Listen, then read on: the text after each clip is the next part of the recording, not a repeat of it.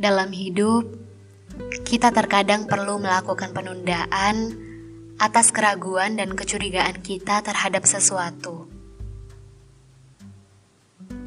Hidup sering kali bisa berjalan relatif mulus jika kita menerima apa yang ada.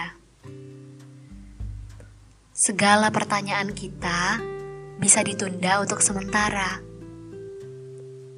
Karena jika tidak seperti itu, ritme kehidupan akan terganggu dan secara psikologis kita akan merasa tidak nyaman.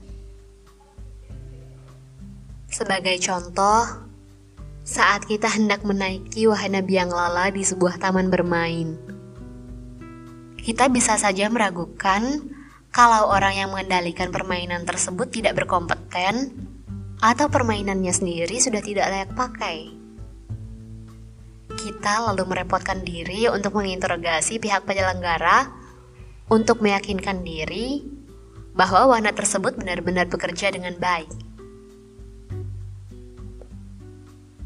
Jika kita benar-benar melakukan hal tersebut, boleh jadi kita malah diusir dari wahana itu.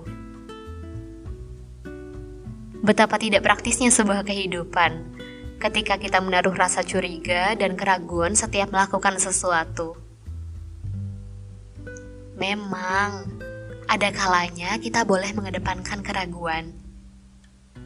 Tapi tidak di setiap momen kita bisa berlaku demikian. Banyak momen dalam kehidupan yang mengharuskan kita untuk mempercayai orang lain untuk melakukan sebuah pekerjaan sesuai dengan yang kita harapkan.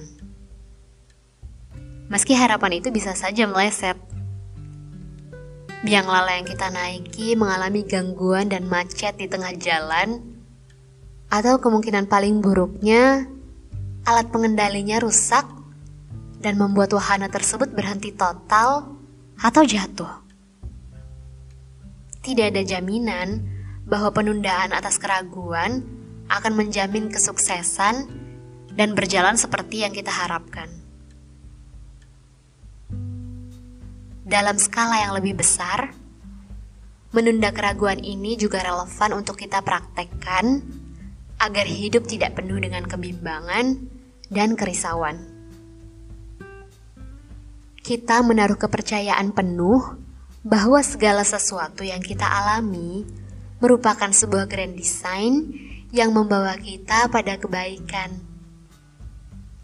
Segala yang terjadi adalah manifestasi dari kekuasaan Tuhan.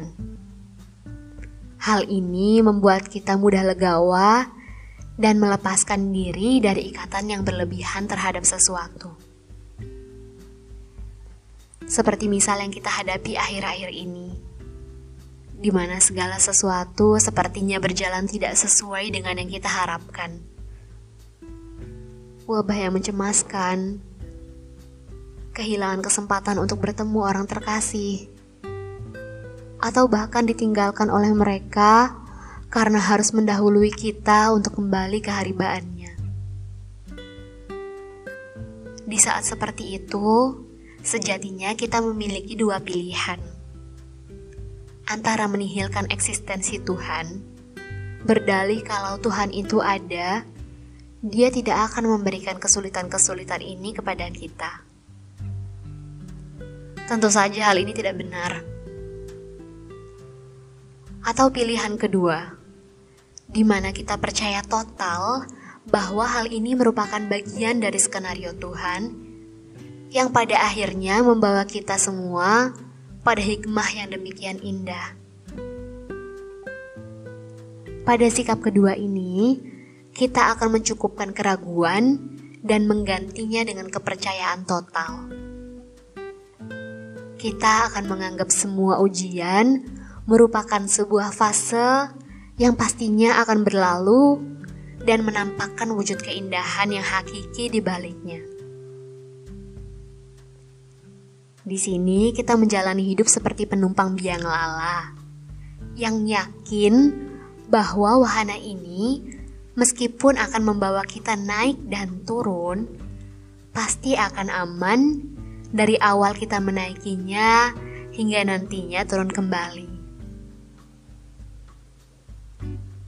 memang tidak mudah memasrahkan segalanya. Terlebih, pertanyaan soal kehidupan selalu muncul tanpa diundang.